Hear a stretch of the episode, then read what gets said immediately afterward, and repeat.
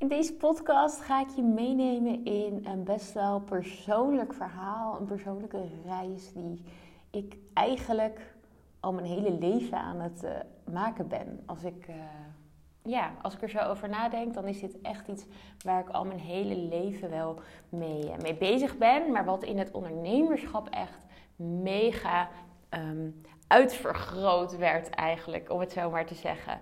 En dat is uh, een bepaalde eigenschap die ik heb, die ik ook heb overgehouden, denk ik, aan bepaalde dingen uit mijn jeugd. En um, ja, die eigenschap die dient me. Op sommige momenten echt ontzettend. Is het heel erg fijn om deze eigenschap te hebben, maar soms ook totaal niet. En um, nou ja, daar wil ik je meer over vertellen, omdat ik denk dat ik niet de enige ben. Of nou ja, denk, ik weet het zeker. Ik weet zeker dat ik niet de enige ben die deze eigenschap heeft. Um, want ik zie het ook veel bij mijn klanten. Heel veel klanten lijken ook wel een beetje op mij. Um, en ja, dat, dat zie je gewoon heel erg, heel erg terug in het ondernemerschap. En over welke eigenschap heb ik het nu eigenlijk? Nou, heel um, zelfstandig zijn. En zelfstandig zijn kan natuurlijk een mega mooie eigenschap zijn. Want dat betekent dat je jezelf eigenlijk altijd kan redden in elke situatie. Dat je altijd um, ja, je eigen boontjes wel kan doppen. En dat waar je ook belandt, wat er ook gebeurt, dat jij het wel uh, redt. Dus zelfstandigheid is echt een heel erg groot goed als je het mij vraagt. Ik heb het ook altijd echt als een enorme kracht gezien. Um, maar ik weet inmiddels ook waar het vandaan komt en dat het op zich ook heel erg in de weg kan zitten. dus daar wil ik wat meer over delen. En ik wil je eerst eventjes meenemen naar toen ik, uh, toen ik klein was, kleine Marika. En um, toen ik uh, klein was, kreeg ik op een gegeven moment een zusje. Superleuk natuurlijk. Uh, ik was denk ik drie jaar oud. Drie, vier jaar oud. Ja, ja ik was denk ik net, uh, net drie toen zij uh, geboren werd. Alleen bleek zij ziek te zijn. Ze had een bepaalde afwijking en dat maakte ook dat ze moeite had met eten. zonder voeding kreeg ze. Ze heeft meerdere hartoperaties gehad, echt als babytje ook al. En um, dat deed natuurlijk iets met ons gezin. Want het is natuurlijk niet niks als er een babytje wordt geboren en hartoperaties, uh, zonder voeding. Heel veel zorgen over of het allemaal wel goed komt.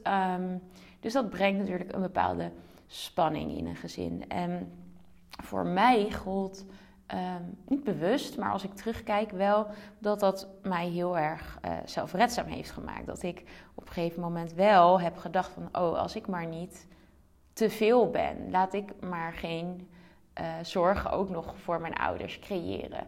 Dus ik red me wel. Daardoor heb ik altijd best wel veel voor me gehouden, was ik niet echt een prater.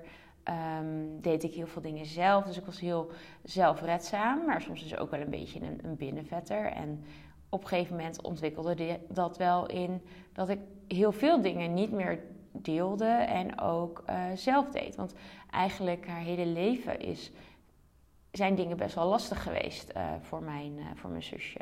Dus ook met leren, later weer hartoperaties. Dus er waren altijd wel zorgen om en mij gingen dingen heel makkelijk af.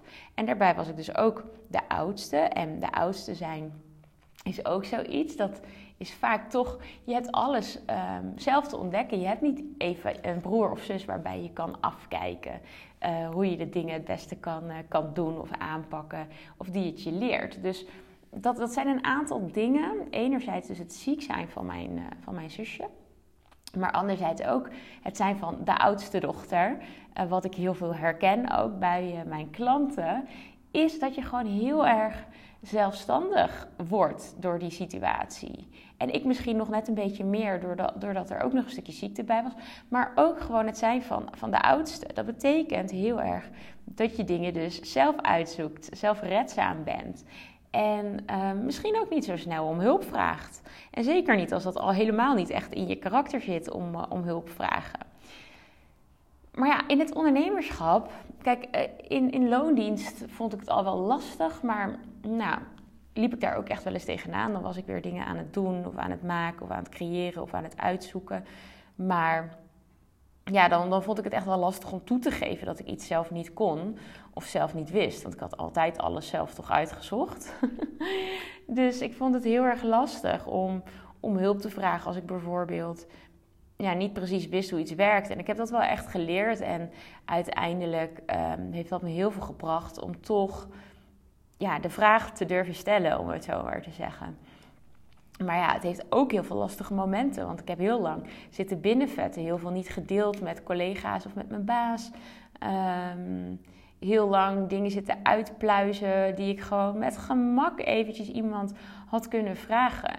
Ja, en in het ondernemerschap is dat natuurlijk XXL. Want dan is er niet eens een collega om iets aan te vragen. Dus als je dan net als ik een soort van, ja, ik doe het wel zelf, ik zoek het zelf wel uit, ik heb het altijd zelf gedaan houding hebt, ja, dan, dan is het natuurlijk lastig. Want je moet er echt zelf op uitgaan om hulp te vragen, om de connectie aan te gaan, om in te zien dat anderen ook struggelen.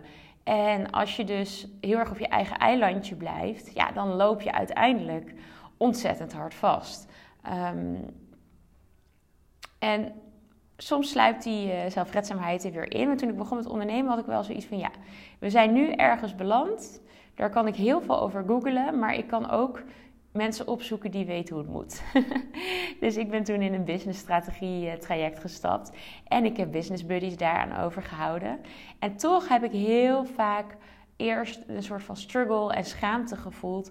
op het stukje vragen om hulp toegeven dat je iets zelf niet weet. Um, ja, dat, dat is heel lastig geweest. Maar uiteindelijk, toen ik dat leerde en besefte van... hé, hey, als ik de vragen stel, dan krijg ik de antwoorden. Dat bespaart me tijd, dat bespaart me energie. Het zijn betere antwoorden dan wat ik zelf had kunnen bedenken. En dat is echt wat ik ben gaan inzien. En um, als ondernemer is zelfredzaamheid een heel groot goed. Ik denk dat je niet afhankelijk wilt zijn van een coach of van business buddies of van anderen. Dat je ook gewoon die zelfredzaamheid heel erg nodig hebt. Want ja, jij hebt de toko te runnen. Jij hebt te zorgen dat er geld in het laadje komt.